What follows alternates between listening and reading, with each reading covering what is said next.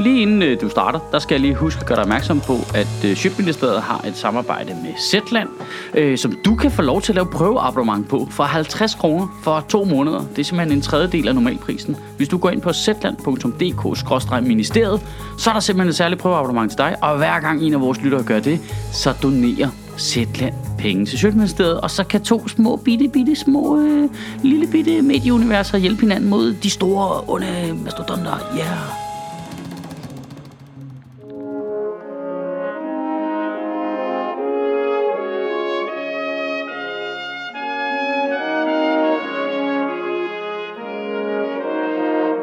Goddag. I Danmark betaler vi milliarder, trilliarder, tusind millioner, millioner, milliarder kroner i skat. Og alligevel, så tror jeg, at mange øh, forældre har prøvet at aflevere deres barn i en institution, hvor der stod én medarbejder alene med 18 børn og svedte febrilsk. Og der tror jeg altså, at det er instinktivt for os alle sammen. Lige meget hvad man stemmer, og hvad Kuna Matata-agtig man er, så tror jeg det er ens for os alle sammen, at man ikke kan lade være med at tænke, øh, hvad? Jeg har lige afleveret halvdelen af mine penge herover i skat. Har I så glemt at aflevere alle pædagogerne herover eller hvad? Og det er grunden til, at der i 34 byer landet over i dag er demonstration for minimumsnormeringer i daginstitutioner. Det er et øh, forslag, der stammer fra øh, pædagogernes øh, egen fagforening, BUPL, eller Bubble, som jeg åbenbart fejlagtigt har kaldt det i 15 år. Bubble Bubble. Nej. Forslaget går ganske simpelt ud på, at der skal være en fuldtidsuddannet pædagogisk medarbejder per tre børn øh, i vuggestuealderen. Og hvis man har set for folk, der har tre børn, så ved alle, at det er alt, alt, alt, alt, alt for lidt. Alt for lidt, mand. Har I set den? Det virker som om, når du får det der tredje barn der, så virker det som om, man helt frivilligt bare har samlet pistolen op for gulvet, efter man har skudt sig selv i hovedet med den en gang til. Det prøver vi lige igen. Men altså, en pædagog per tre vuggestuebørn og én pædagog per seks børnehavebørn. Og det vil man gerne have, at der skal være en lov, der siger, at der skal være. Og nu er jeg med på, at alle dem, der sidder derude, som ikke har børn, de sidder og tænker, mm, der er der masser af pædagoger, hvordan, øh, hvorfor øh, passer de ikke bare på dem? Og problemet er, det, det er der ikke rigtigt, eller det er der. Problemet er bare, at det er der ikke nødvendigvis lige hele tiden. Fordi i takt med, at kommunerne skal spare og spare og spare, så bliver de også øh, tvunget til at være mere og mere kreative for at finde på løsninger, og så finder de valgmulige. Det vil sige for eksempel antallet af ikke uddannede pædagoger, der arbejder, der stiger. Det betyder, at det, du ved, øh, de, de laver sådan noget, slår stuer sammen øh, til morgenåbninger, eller sender en medhjælper på tur med 6-8 børn, for ligesom at let trykke lidt, og alt muligt pis. Og problemet er, der er ikke nogen regler for, hvad de må lave. De må gøre lige, hvad fuck de har lyst til. Hvis der skal effektiviseres mere, så er der en robotstøvsuger, der passer dine børn. Kommunen gør lige, hvad de har lyst til. De kan bare klippe hul i hegnet og lade en ulv passe 25 børn, hvis de har lyst. Og bare lige for, at I ikke tror, at det er noget, jeg sidder og finder på, så viser en undersøgelse fra BUPL for nyligt, at 3 ud af 4, 75 procent af alle pædagoger har prøvet at være alene med 17 til 18 børn, og i mere end halvdelen af tilfældene var det mere end en halv time. 17 til 18 børn. What the fuck, mand? Jeg har to. Jeg kan ikke overskue det, mand. Vi er, nødt til, vi er nødt til at have noget mere respekt for folk, der passer på vores børn, når vi ikke selv gider. Hvis du er typen, der ikke lige bryder dig om statistiske argumenter, så har vi også øh, anekdotisk argumentation på hylderne her i Sjøtministeriets store argumentbutik. Øh, min yngste datter gik nemlig i en stor institution her i København. Øh, med nogle seje pædagoger, fucking awesome pædagoger, der var vildt gode til at få den der store institution til at virke som en lille, hyggelig, nærmest landsbyagtig institution. De var fucking seje. Men for at spare penge, så havde ledelsen valgt at sige, ved du hvad, øh, alle børn, der skal afleveres inden klokken 9, de skal afleveres over i den store sal. Øh, alle stuer sammen, hele lortet, bare pakke det derover. Alle, der møder inden klokken 9, de skal derover. Og der stod en stakkels medarbejder med en milliard børn i alle mulige forskellige aldre. Det var simpelthen så hæsligt, og det er jo så utrygt som forældre at skulle aflevere sit barn ind i det der kaos, bare mayhem af ting, der flyver rundt jo. Altså, og nogle gange så var det en fucking vikar, så skulle du altså aflevere dit barn til en, der ikke havde tid, og som du ikke kendte. Det var jo helt fucked. Men nu, prøv, nu er jeg jo sådan en øh, øh kreativ øh, komikertype, der arbejder selvstændigt. Jeg kan gøre, hvad jeg har lyst til, så jeg kan jo lynhurtigt lige justere. Det er jo mit privilegie. Øh, ved du hvad? Øh, hvis jeg kommer før klokken 9, så bliver jeg skulle lige hængende indtil den næste medarbejdermøde ind der. Klokken 9, det lurede jeg hurtigt det mønster der. Og så kunne jeg aktivere nogle børn, og så gik det hele fint. Men i det sekund personalet lurede, at jeg var sådan lidt useriøs øh, legeonkel-type, så, så brugte de det. Altså, helt seriøst, det, det er ikke noget, jeg finder på det her. Efter de opdagede det, blev det flere gange sagt til mig med lidt bedende øjne, øh, øh, kan, kan, kan du lige blive hængende til, til klokken 9, for der møder Trine ind. Men der er voldsom politisk modstand imod minimumsnormeringer i daginstitutionerne. Hovedargumentet er ligesom, jamen det binder jo ligesom kommunerne på arme og ben. Det stikker dem. Det kan ikke gøre, hvad de har lyst til. Øh, hvad nu, hvis der lige pludselig kommer 4.000 flere børn, så er de tvunget til at tage pengene et andet sted fra og give dem øh, til de pædagoger, der så skal være til at passe på de 4.000 børn.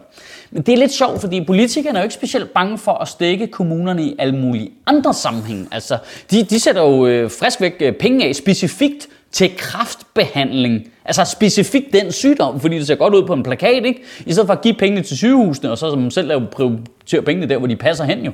Altså, der er jo ikke nogen forskel på minimumsnummeringer og så en behandlingsgaranti. Det er jo den samme type regel. Vi sætter ligesom et bundniveau for, hvad vi befinder os i. Det er jo, det er jo en børnebehandlingsgaranti. Altså er politikerne virkelig imod en ordentlig behandling af børn? Garanti. Selv Mette Frederiksen børnenes selvudnævnte statsministerkandidat. Hun er imod øh, minimumsgrænser for, hvordan vi behandler vores børn. Og nu har jeg lavet det stab på Mette Frederiksen et par gange med det med børnenes statsminister. Men er der ikke også snart nogle mennesker i en kommunikationsafdeling, der skal have hældt glohed pis ned i deres kaffekop? Altså for det der. Altså Mette Frederiksen vil ikke forbedre forholdene for børnene på Sjælsmark. Hun vil ikke lave minimumsnormeringer i øh, daginstitutionerne. Hun vil ikke øh, fjerne starthjælpen, som Rockwool-fonden lige har bevist sender børn ud i fattigdom.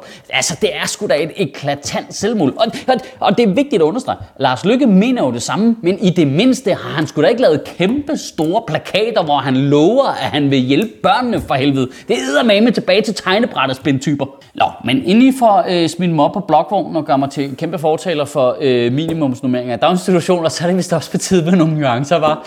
Ja, pis os.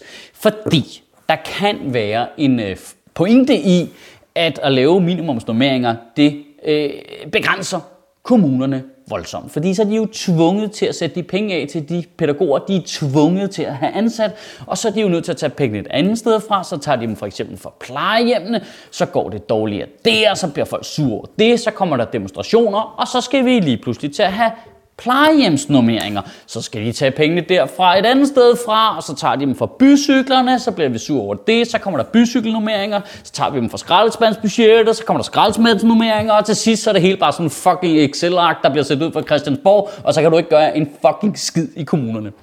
Men, og der er et fucking gigantisk kæmpe stort men. Det, altså, det er så stort, som hvis du bare kørte forbi det, så du tænker, fuck, et stort men, der skygger for solen.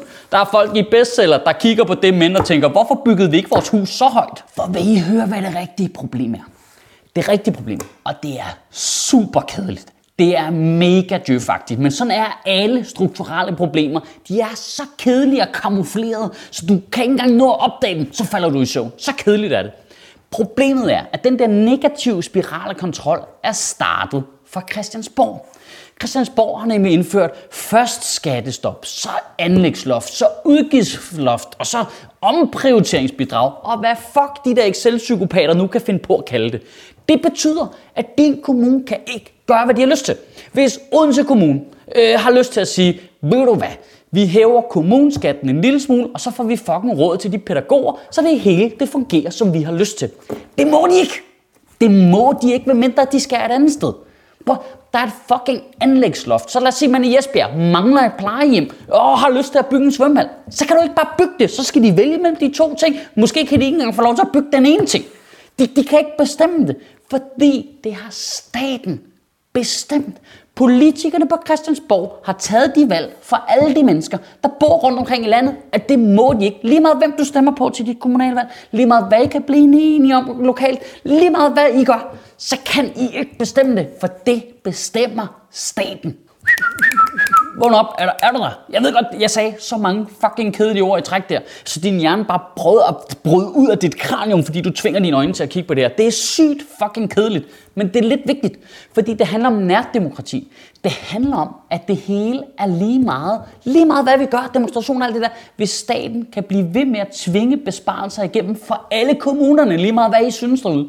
Det, det er fuldstændig lige meget, fordi kommunerne de gør det jo så godt de kan. De prøver inden for de rammer for det fucking til at spille jo. Og så bliver de mere og mere kreative, og mere og mere desperate, og så bliver det bare sådan noget. Vi, ja, vi kan også bare sætte de ældre børn til at passe de yngre børn. Det gør de alligevel derhjemme. Fuck, vi kan spare mange penge, du. Nej, bedre au pair-pædagoger, de er sygt billige. Au pairen skal alligevel ned og aflevere det barn. Det kan lige godt blive hængende. Det er jo lige meget. De har ikke noget at lave for helvede. Ved du hvad? Vi bytter hver anden pædagog ud med en iPad. Den er hjemme. I ugen, der kommer, der synes jeg, du skal sætte dig ned i al den her ballade, og så bare lige, bare lige tænke over øh, den her lille ting. Grundlæggende tanke, bare lige to sekunder. Hvordan i alverden kan det egentlig være, at vi ikke kan gå til et kommunalvalg og stemme på nogen, som vi synes skal styre vores kommune, som vi synes, den skal styres lokalt. Og så var der måske en eller anden blå type, der blev valgt ind i Randers, og som sagde, vi skal ikke bruge så mange penge på plejehjem og børnepædagog, det er vi skulle lidt ligeglade med. Øh, til gengæld så er kommunalskatten super lav, og så har du råd til ligesom at gå ud og betale for privat dagpleje, eller hvad fuck det nu måtte være. Og så var der måske en rød type op i Aalborg, der sagde, ved du hvad, den her øh, folkeskole, det skal spille top max, du. Det er sted og sted. Vi hæver skatten, krasser pengene ind for det til at virke. Og så var det okay, at det ikke var ens. Og så kunne du bo der, hvor du havde lyst til at bo, og du kunne stemme på dem, der, synes, øh, der styrer landet, som du synes, det skulle styres. Og så blev I enige. Det var I boede lokalt. Altså, det, Jamen, jeg kan godt selv høre, hvor vanvittigt det lyder. Vi bor i så gennem socialdemokratiseret et fucking samfund, at selv borgerlige partier opfører sig som de mest vanvittige betonkommunister, mand. Og så lyder en reel, simpel liberal tanke som, hvad med vi vælgede selv som vi lever pt. i et land, hvor vores politikere går mere op i at bruge de mennesker, der kommer til landet, siger, at de elsker demokrati, end de går op i at bevare det nærdemokrati, som de har fucking smadret gennem de seneste generationer. Kan du have en rigtig god uge og bevare min bare røv. Jeg synes, at ham Schødt der, han smider mange øh, tal afsted nogle gange. Hvor finder han egentlig dem hen? Han finder dem faktisk normalt i den helt almindelige nyhedsstrøm. Øh, der er så nogle steder, der er bedre til det end andre, og jeg har en, øh, en, en tendens til at suge tilbage til Zetland, som tit har nogle ret datatunge artikler. De er vildt gode til at forklare nogle simple ting. Meget øh, af lige det, jeg gør her, bare uden øh, alle de helt useriøse vidigheder. Budgetministeriet lever af dine donationer. På tia.dk kan du oprette et donationsabonnement, hvor du giver lige præcis det beløb, du har lyst til. Og så kan vi lave flere interviews på Nørrebro Teater, flere taler, sende Sofie Flygt mere på gaden. Og hvis ikke du gør det, så er du en big shows.